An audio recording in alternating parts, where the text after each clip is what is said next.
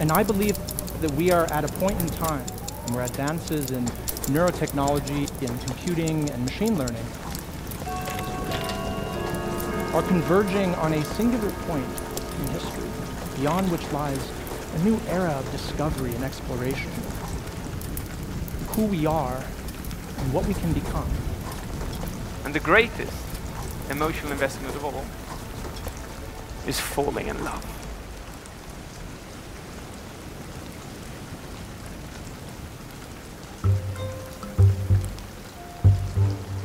Deze podcastserie gaat over hoe de Nederlandse Veiligheidsdienst oefent op Nederlandse burgers. Onschuldige mensen die gebruikt worden als proefkonijn. En ik ben één van hen. Mijn naam is Raymond en ik maak deze podcast. Mind You, aflevering 5, alleen.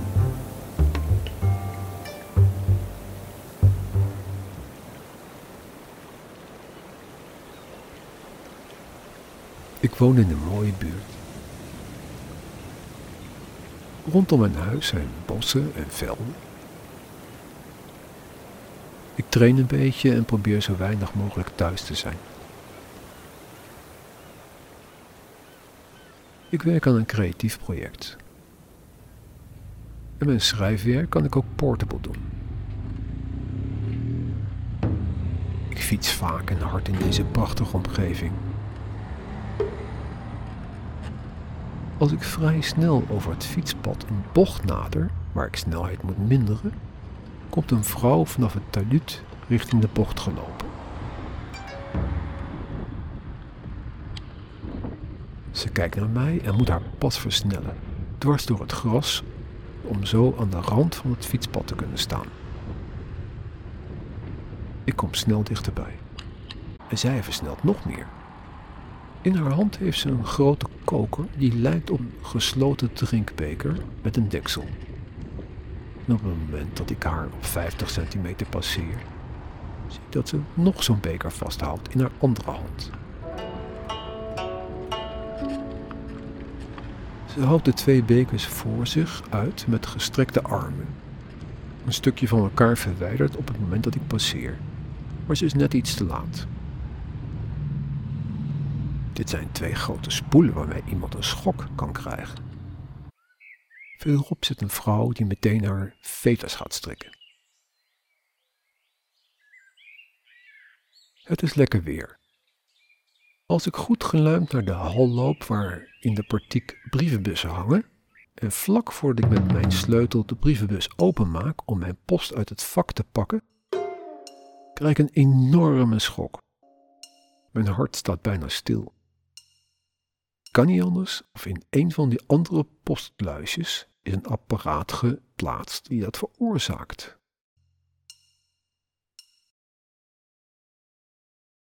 Geen geintje, dit was een elektrische schok met grote kracht.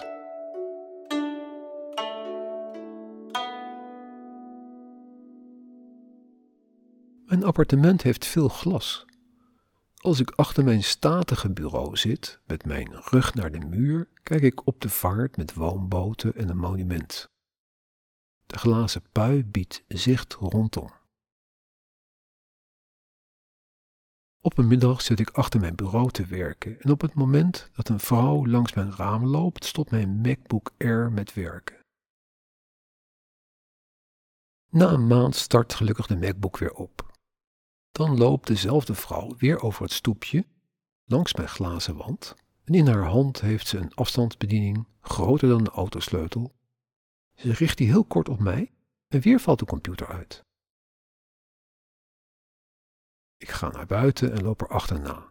Ze heeft een rode Peugeot om de hoek staan en ze stapt in en rijdt weg.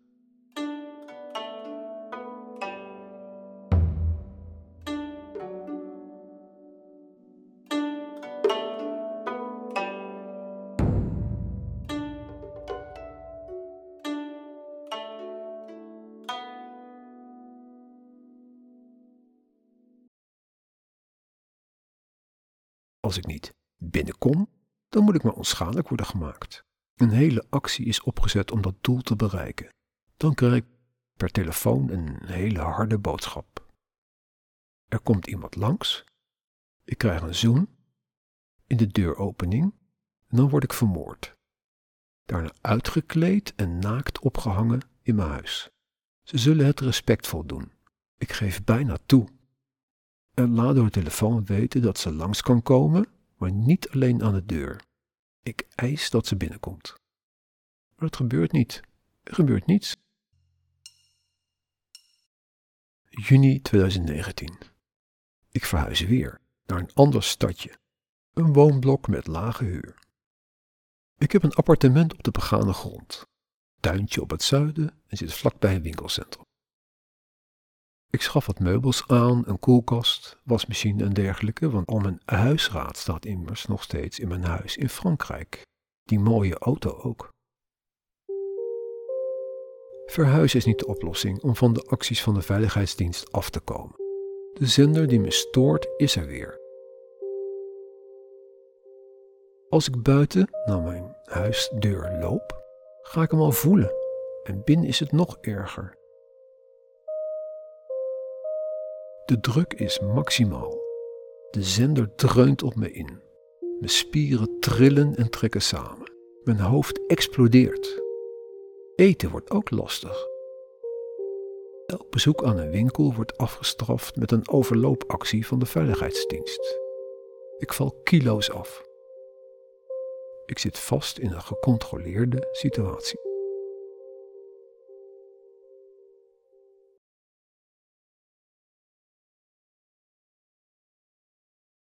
In het openbaar vervoer word ik steeds overlopen. Daarom koop ik een auto bij een lokale garage. Ik heb haast. Ik betaal de gevraagde prijs, regel online de papieren en vertrek vrijwel meteen met deze zwarte Nissan naar Frankrijk. Tussen kijken naar een auto en vertrek naar Frankrijk zit één dag.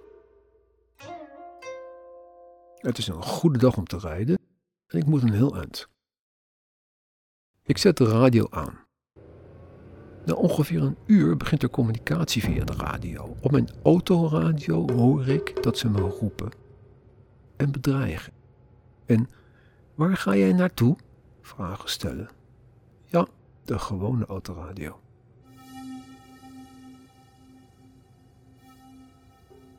Ze moeten ergens in de buurt zijn. Ik zet de autoradio uit.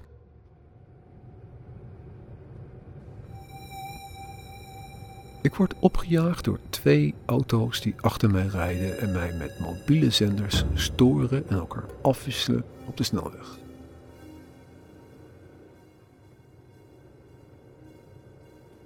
De storing is gekmakend. Zweet breekt me uit. Een heel opgejaagd gevoel.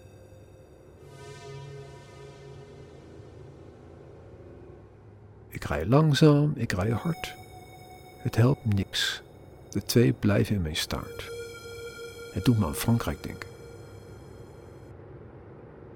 Op een gegeven moment en vlak voor een afrit had ik een gewone auto in, op zeer hoge snelheid, en stuur ik naar rechts en neem ik toch de afrit. Feitelijk snij ik de onbekende auto af met 20 centimeter verschil. De twee achter mij ben ik kwijt.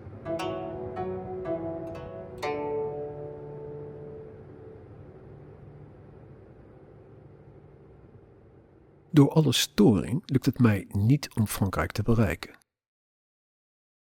Ik kom op een snelweg richting Arnhem en besluit dan maar naar Wageningen te gaan en om onverwacht een kennis te bezoeken. In Wageningen komt in de loop van de dag een hele actie tegen mij. De kennis is er niet. Ik laat mijn auto vol spullen achter in een parkeervlak bij haar huis. En ik wandel door Wageningen. Terwijl ik de straat oversteek in de binnenstad, steekt ook een groepje van drie Chinese vrouwen over in mijn richting. Vlak voordat die vrouwen mij kruisen, komt een lange, slanke man met grijs haar me tegemoet, schuin, net voor de Chinezen mij passeren. En hij zegt met woorden: Raymond, Kijk uit voor de Chinezen, ze proberen je te vergiftigen. Heel snel. Heel haastig. Hij draait meteen van mij weg, de andere kant op. De Chinese vrouw kan ik niet meer ontwijken, maar later besef ik me dat hij waarschijnlijk zelf de dader was. Want ik voel me meteen heel raar. En de volgende uren zal ik heel veel moeite hebben met lopen, evenwicht, praten. Ik kan me nauwelijks overeind houden. Recht lopen is vrijwel onmogelijk. Ik leun enkele uren tegen een muurtje en ik vraag me af hoe ik verder kom.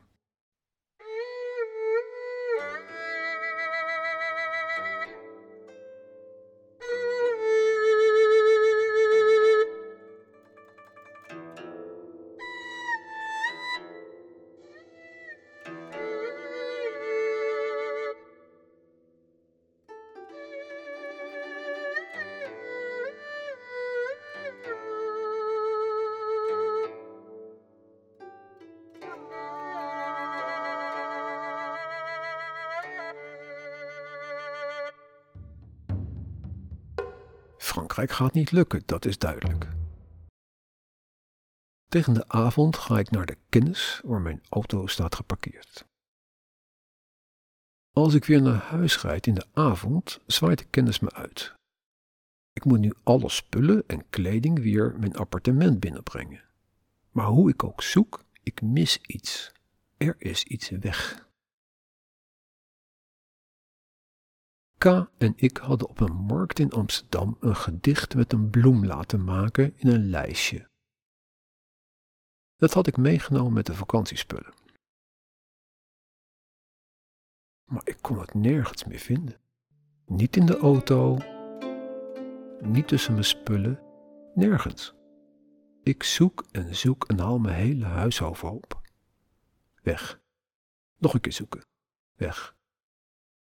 Het plankje in de kelderkast waar het eerst lag, haal ik zelfs helemaal leeg.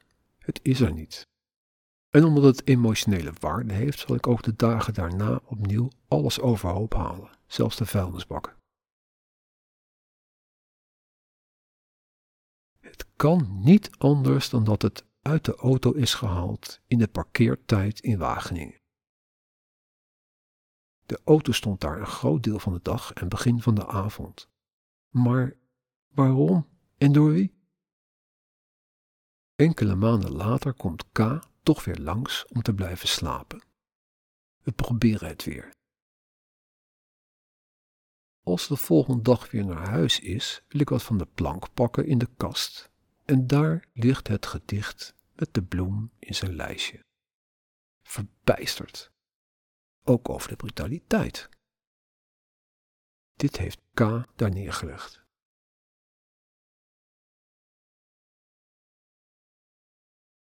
Er is weer iemand in mijn auto geweest. De spiegel staat helemaal scheef en ik ruik aftershave. Ik stap in de auto en ga boodschappen doen bij de Aldi. Als ik terugkom op de volle parkeerplaats, stap ik in en zet de autoradio aan. Nu hoor ik op de radio een vrouwenstem. Het lijkt een centralist van de politie. Ze klinkt emotioneel. Ik hoor hard ze hebben Hans vermoord.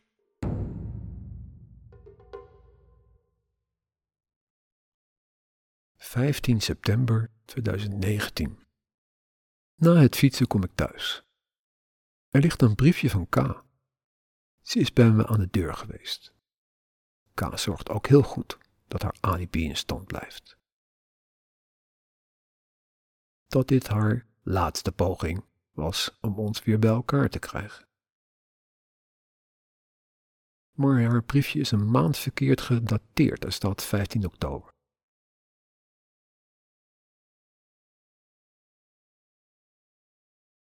Twee dagen later, in de middag van 17 september 2019, ervaar ik een ongelooflijk sterke stoorzender.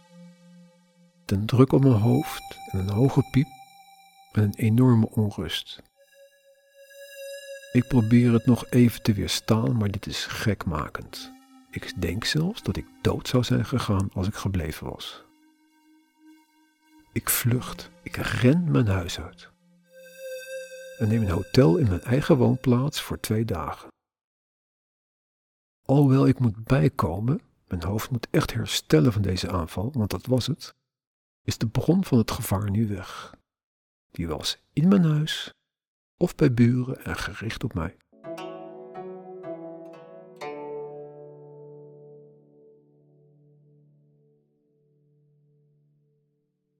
Ik sprokkel al mijn moed bij elkaar en half januari 2020 rij ik opnieuw naar mijn huis in Frankrijk. En het lukt dit keer.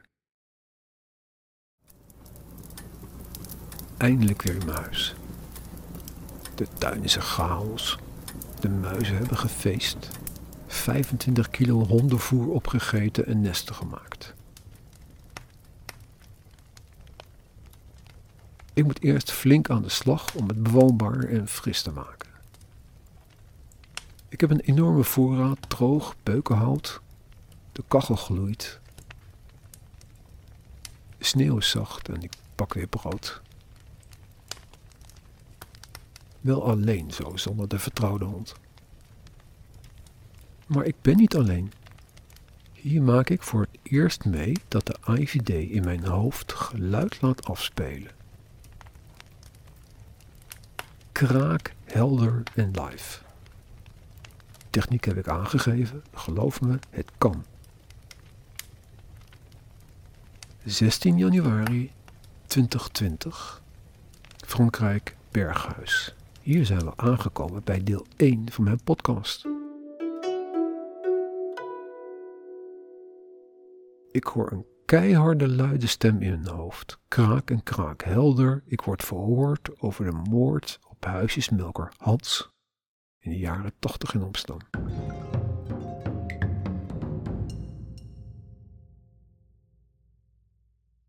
Twee dagen later. Stem. Rimmel, wie is Mardi? Dit is een van de meest komische en techniekbevestiging dat ze mij kunnen volgen. Want ik had een aantal keren aan Mardi gedacht. Ik moest iets doen met Mardi. En misschien zelfs ook wel gemompeld. Dit is de tweede keer en de laatste keer dat ik bewust antwoord heb gegeven, want de vraag was zo dom.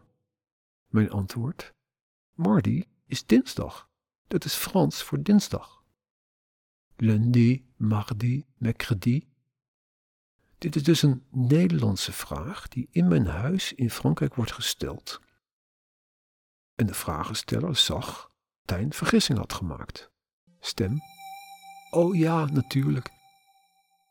Hoe kunnen Nederlandse vragen aan mij gesteld worden, goed verstaanbaar, in mijn Franse huis?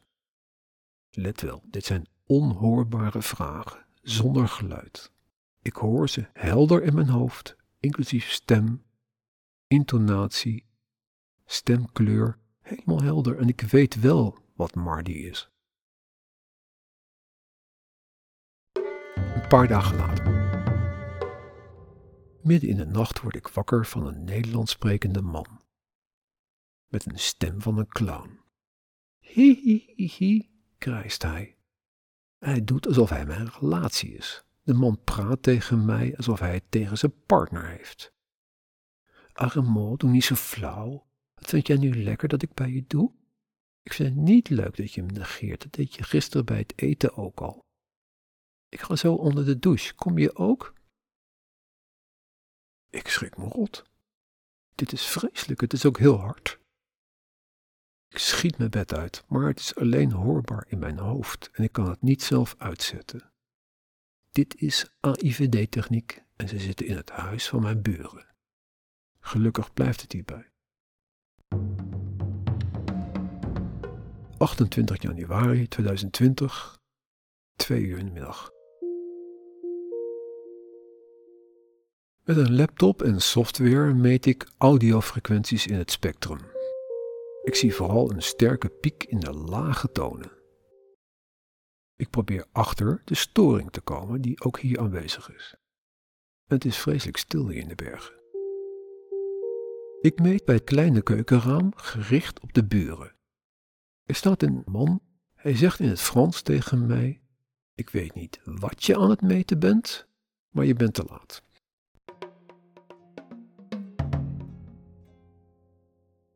Ik ga meteen naar buiten. Een jonge man, eind twintig, staat voor het huis. Hij hijgt nog na van de sprint die hij heeft getrokken. Een vrouw komt om de hoek naar hem toe. Ze heeft een spiegelreflex in haar hand en een iPhone. Ze klinkt opgetogen, zegt bonjour en ze lopen weg. De man kijkt nog even naar mijn bewakingscamera. Ze lopen richting de kerk.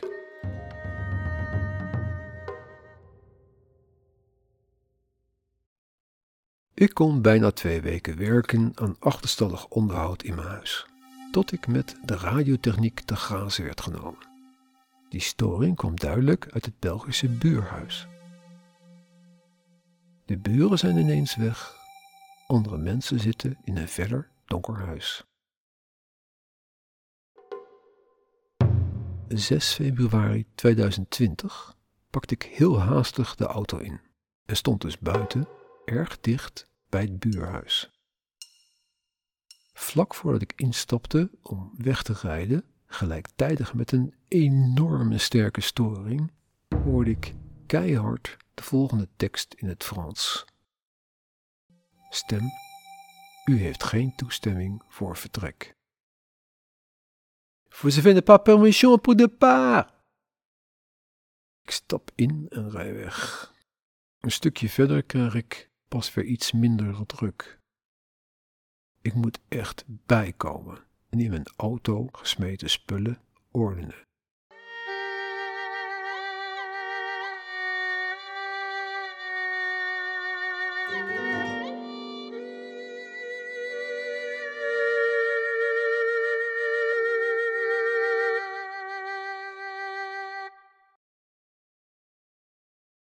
Stem, we gaan je zoveel mogelijk negatieve dingen laten meemaken.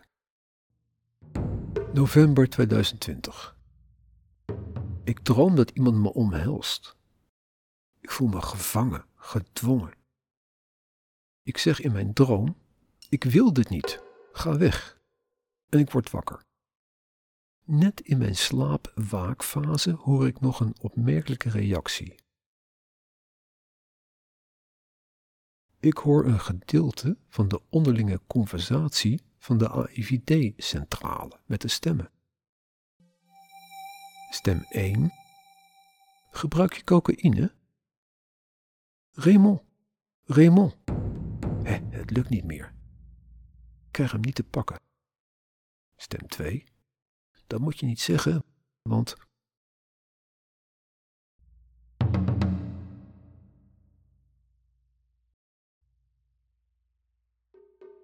18 december 2020, 8 uur. Ik bel Ziggo op om mijn internetverbinding op te zeggen, want ik ga verhuizen. Ik krijg na het 0800-nummer eerst een stem. U belt met Ziggo. Stilte. Ik verbreek de verbinding en bel opnieuw, hetzelfde nummer. Ik hoor nu iemand op de AIVD-centrale, die mijn achternaam zegt en vervolgens vrijgeven. Nu kan ik wel keuzes maken. Voor wijzigingen kies.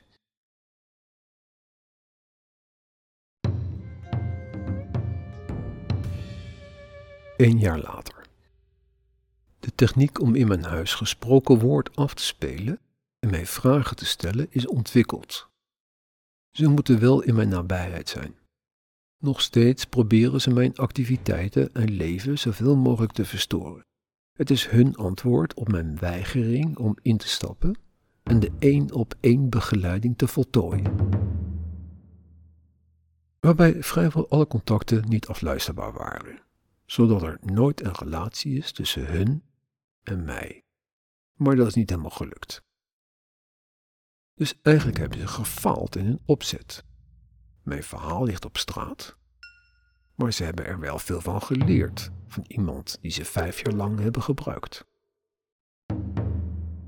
Ik ben niet meer geschikt voor de oorspronkelijke taak en ik word door een heel team fulltime gebruikt voor de ontwikkeling en verfijning van de ondervragingstechniek in het onbewuste.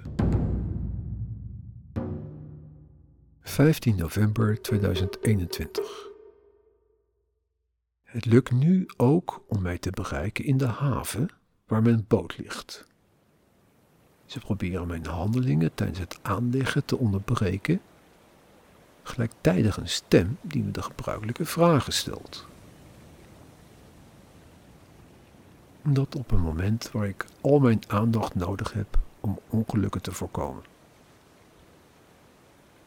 Ik ben boos en scheld de stem hardop uit die mij probeert te onderbreken.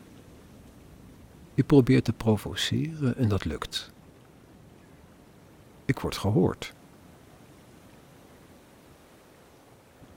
Ineens schakelt de stem en hoor ik de stem van een jonge vrouw die me ineens keurig meneer en dan mijn achternaam noemt. Maar ik ga gewoon door met beledigen, tot het randje en eroverheen. En dan breekt ze. Nu hoor ik plots een deel van de conversatie in de AIVD-centrale. Eén stem is de geëmotioneerde jonge vrouw, de andere stem is die van een begeleider, een oudere mannenstem. Stem 1. De jonge vrouw roept geëmotioneerd. Ik wil dit niet meer. Stem 2. De mannenstem met gezag. Dit is een grote spion. Stem 1 weer, de jonge vrouw. Nee, dit is een gewoon burger. Een tijdje later komt de mannenstem bij mij binnen en zegt: Je hebt iemand weggestuurd, Raymond. Dit laat ik niet over mijn kant gaan. Die nacht word ik in mijn bed met alle amplitude en gerichtheid die de stoorzender kan veroorzaken, gestoord en gemarteld.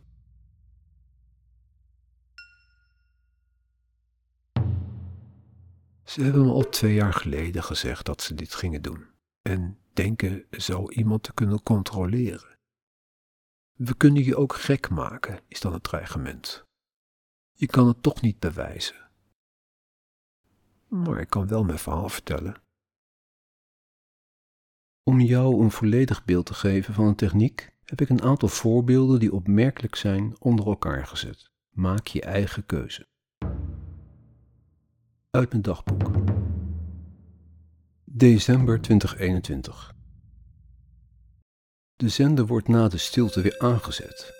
Harder en harder. Mijn hoofd ontploft bijna. Ik zeg hardop in de woonkamer: Moet ik soms een hersenbloeding krijgen? Stel je gekken? Nu hoor ik de onderlinge conversatie van de controlekamer AIVD. Stem 1. Hoeveel? Stem 2. 40 watt. Weer opnieuw stem 1. Dat is te veel in het begin. Nu wordt de druk op mijn hoofd iets minder en ik mopper nog wat na in de woonkamer.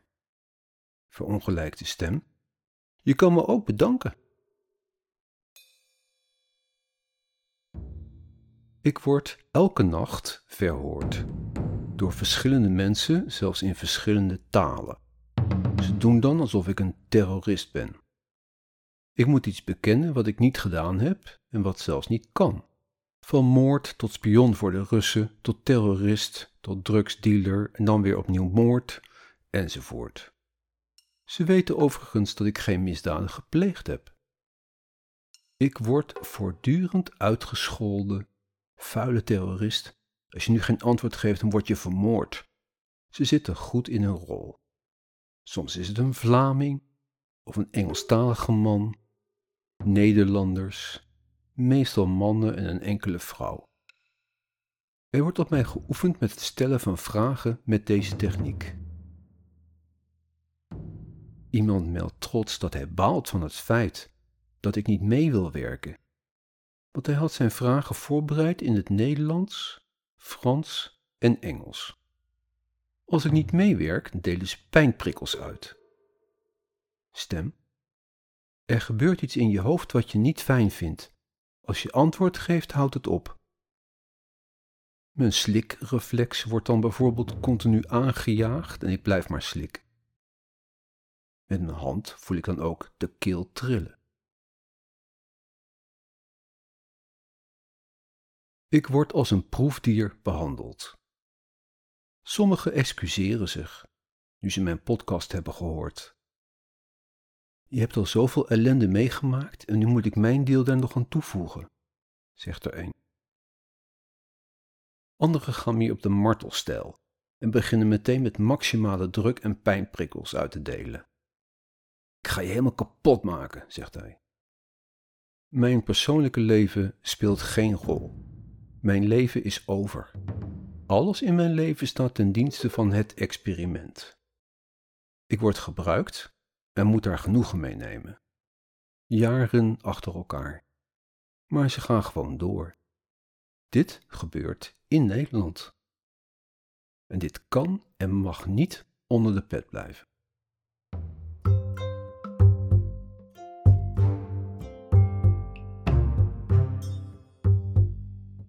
Dit was mijn persoonlijke verhaal. Het was een reis.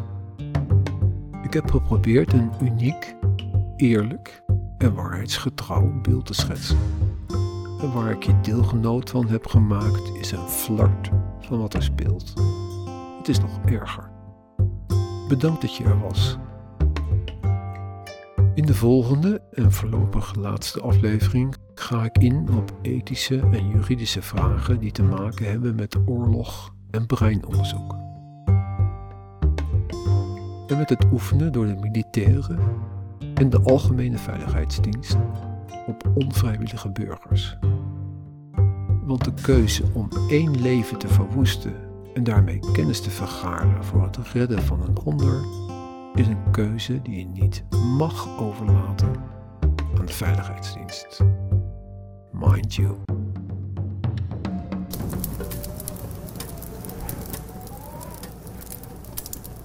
Researchers today are working on new kinds of miniaturized neural sensors. And as a global community, we must work together to engage in informed discussion and open and inclusive debate to ensure we make wise choices that set us on the right path. And that's that all those sensations, feelings, decisions, and actions are mediated by the computer in your head called your brain. The chemicals bind to the auditory nerve cells and create an electrical signal, which travels along the auditory nerve to the brain. Yet the goal is not only to recognize the word, but also to access its stored meaning. The brain accesses many possible meanings at the same time before the word has been fully identified. Raymond, this is JB Johnston of Manchurian Global. We're strong supporters. What are you doing? I gotta find out what's gonna happen, where it's gonna happen. He's delusional. You swore to me that this was fail safe. No leaks, no glitches. Flick of a switch, we can adjust character, change personality. How much do you actually know about your friend? When I sleep, I dream. I don't want to dream.